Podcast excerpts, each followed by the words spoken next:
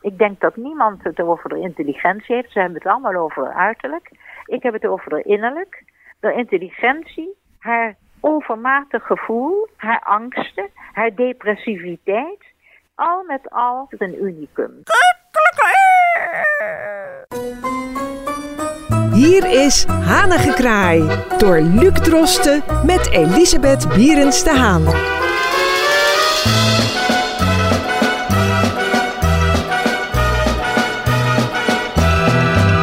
Luistert naar Hanengekraai hier op Amsterdam FM. Mijn naam is Luc Drosten en ik heb wederom aan de telefoon Elisabeth Bierens de Haan. Mevrouw Bierens de Haan, hoe gaat het eh, met u deze week? Nou, ik zou zeggen, uh, naar omstandigheden gaat het goed. Ja, ja, we moeten maar een beetje voortmodderen, hè? We gaan het uh, komende week, uh, dus vandaag en volgende week, in een tweeluik hebben over, ja, we zouden toch wel kunnen zeggen, een fenomeen. En Dierman, naar aanleiding van de podcast die onlangs verscheen bij Radio 1 over Mathilde Willing, die we toch wel een paradijsvogel en een fenomeen zouden kunnen noemen. En volgende week gaan we het hebben over haar echtgenoot Karel Willink, de uh, bekende uh, schilder van het magisch realisme. Mevrouw Bierens de Haan, uh, ja, Mathilde Willink, u heeft haar persoonlijk gekend. Ja, toen ik begon te vliegen bij de KLM in de jaren zestig, toen heb ik een vlucht met haar gemaakt en uh, ik wist niet wie ze was. Ze stelde zich voor. Ik zeg, god, wat leuk, want uh, mijn vriend, ik zeg, die kent Karel Willink heel goed. Nou, zet ze bij, uh, ik ben bevriend met Karel Willink. En zo heb ik haar ontmoet op mijn vlucht naar Curaçao. Wat is het toch een kleine wereld? In de jaren 60. Ja, in de jaren 60. Maar zij is in de jaren 70 natuurlijk echt uitgegroeid tot een soort society-fenomeen. Nou, nee, in de jaren 60 ook al was ze al vrij excentriek en vrij opvallend. Ja. En daar hebben we dus dingen van meegemaakt. Maar ik, ik vond het een, een heel een boeiend fenomeen. En uh, ik moet zeggen, ja, ik hou van mensen die boven het maaiveld uitsteken. Dat is net iets voor mij. Mathilde Willink is niet heel oud geworden en er zijn nog steeds speculaties om haar dood, waar die podcast van NPO Radio 1 uh, ook over gaat. Ja. Uh, ze is 39 geworden, als ik me niet vergis, dus ja, uh, amper 40. U heeft haar gekend toen ze nog heel jong was, dus in de 20, begin 20, eerste helft 20. hoe omschrijft u haar op, de, op dat moment en hoe heeft zij zich ontwikkeld tot de persoon die ze was op het moment dat zij stierf? Ze had gymnasium gehad. En, en kon ze over de Odyssee hele verhalen vertellen. Ze las Grieks en Latijn. Ik dacht, reuze interessant. En ik vertelde dat ik een vriend had, Julian Bierens de Haan. Ze zei, ja, die ken ik ook door Karel. En zo hadden we een ontzettend leuk contact op de vlucht naar Curaçao. En verder was ze nogal explosief. En ik moet zeggen, de mensen om haar heen, die bekeken haar als een vreemde vogel. Toen al. Wat is dit? Ze werd ook door Karel Willink eigenlijk um, ja, in een soort rol gestopt van uh, met prachtige robes van Fong Leng uit Ja. de Van Baardenstraat. Dat was heel bijzonder. Droeg ze die toen al? Ja, het werd een soort model gemodelleerd door zijn hand. En dat begon in de jaren zestig toen ik haar leerde kennen. Ik zag een interview met haar waarin zij zelf aangeeft uh, ook vooral voor uh, Willink te zijn gevallen, omdat ze zo ontzettend onder de indruk was van hem als uh, kunstenaar. Ja, en dat is ook zo. En dat was ik ook. Mijn man en ik zijn een paar keer bij hem geweest op zijn atelier. Willink was de man die dacht, wacht even, dit is iemand die kan ik verder brengen. Het is een eenvoudig Zeeuws meisje met een goede intelligentie. Getuige het gymnasium wat ze uitstekend heeft doorlopen. Grieks lezen is niet weggelegd voor iedereen. Dat deed ze ook. Dat was die andere kant, dat was de intelligentie. En dan krijg je die gevoelskant, waar helaas dat die ontspoord is. Dat Ja, denkt u ook uh, dat het uh, mede veroorzaakt zou kunnen zijn door het feit dat zij eigenlijk uit het misschien heel beschermde uh, Zeeland kwam en toch eigenlijk haar weg moest banen in de grote gevaarlijke stad Amsterdam? Ja, dat klopt. Want ze is wel een echt Amsterdams fenomeen geworden.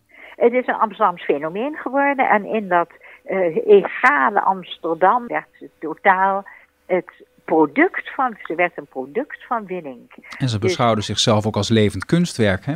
Ja, levend kunstwerk, dat was ze. Precies. Nou ja, en, en dan... daarna is ze eigenlijk ontspoord doordat ze verkeerde mensen ontmoette. En doordat ze in een verkeerd circuit kwam, en dat was het sensitieve, dat gevoelige, ja. dat opene, dat kinderlijke, dat ze, ze is ingetrapt in, in, een, in een modderpoel. Ja. En dat was een tragisch eind van deze eh, wonderlijke, onaardse vrouw ergens. Ze was ergens onaards, alsof ze van een andere planeet kwam. Ik vond het hoog interessant. En ik moet zeggen, ehm, ook vooral wat me opviel, en dat is net iets voor mij, de stem. Ja. De stem was, ik hoor het nou nog als ik aan, aan denk, de stem, dat was het meest opvallende van uh, Mathilde Willink. Ja, en uh, die podcast van NPO 1 over haar, die uh, is eigenlijk, heeft als centrale vraag, wat is er nou echt gebeurd? Is Mathilde Willink vermoord of heeft ze zelf een eind aan haar leven gemaakt? Heeft u daar een bepaalde kijk op die u wilt delen? Ja, ik denk dat ze vermoord is. En dat wil zeggen dat ze met drugs in haar naïviteit, dat ze zelf onder invloed was en dat ze niet wist wat er om haar heen gebeurde. En dat ze op die manier, en ze waren natuurlijk ook bang dat via haar dingen zouden uitlekken. De gangsters waren bang dat deze vrouw met al haar contacten in hoge en lage kringen, eh, dat ze gevaar liepen. En ze dachten uiteindelijk, we moeten zorgen dat we haar uit uit de weg ruimen. Ja, ze is gevonden. En dan gaan wij vrij uit. En het hele zootje is vrij uitgegaan. Ik weet niet wat er toen gebeurd is. Dit is mijn visie. Ja, ja uh, het, blijft een raadsel. En, en Karel was daar kapot van. En maar ik moet zeggen... Ze waren al uit elkaar toen, hè? Ja, maar ik zei, ja, maar was er toch kapot van. Want hij was, zijn kunstwerk was weg. En toen Julian en ik op een zondag een kopje koffie dronken bij Willink, toen leefde zij nog. Zij zat er boven op een etage. En ze wilde niet naar beneden komen omdat ze wist dat ik mee zou komen. Ik weet niet waarom, maar ze was, in een moeilijke bui. En ze had net een schilderij beschadigd met een mes, met een keukenmes. Had ze een, kwak en snee gemaakt in de schilderij. Toen zei Karel, ja, ze heeft weer een van de buien. Dus ik denk dat ze toen al regelmatig drugs gebruikte. En dat Karel niet de kracht had om dat ja, de kop in te drukken. Die, die woeven imponeren. En, en ze, ze zwelt van plezier. En dat is er droeve eind geworden. Het is een, een lamlendig eind. Aan de ene kant reuze intelligent. Ik denk dat niemand het over de intelligentie heeft. Ze hebben het allemaal over haar uiterlijk. Ik heb het over de innerlijk. De intelligentie. Haar overmatig gevoel. Haar angsten. Haar depressiviteit al met al een unicum. Dus als ze met z'n tweeën daar bij die ruisblokkade liepen. iedereen liep de huizen uit, want ze kwamen langs. Het was een bezienswaardigheid. Maar het was ook een kwestie van, wij willen dit. Die twee mensen vullen elkaar aan. Dat ze, eh, natuurlijk vond het prachtig, dat ze zijn kunstwerk werd. Ze werd een kunstwerk. Maar met een, een inhoud die eigenlijk gedeeltelijk naar buiten kwam. Nou. Maar ik heb haar goed leren kennen op een lange reis ermee op elkaar aangewezen. Met natuurlijk de hele crew om eromheen. En dan, dan heb je een, een goed oordeel, vind ik. En over uh, Karel Willink uh, praten wij volgende week verder in het tweede deel van dit uh, tweeluik over Mathilde en Karel Willink. En daar zie ik naar uit, mevrouw Bierens te Haan. Ik ook, ik ook u. Dus ik zou zeggen tot volgende week. Tot volgende week. Wilt u reageren? Mail naar hanigekraai.amsterdammefm.nl en uw bericht komt terecht bij mevrouw Bierens de Haan.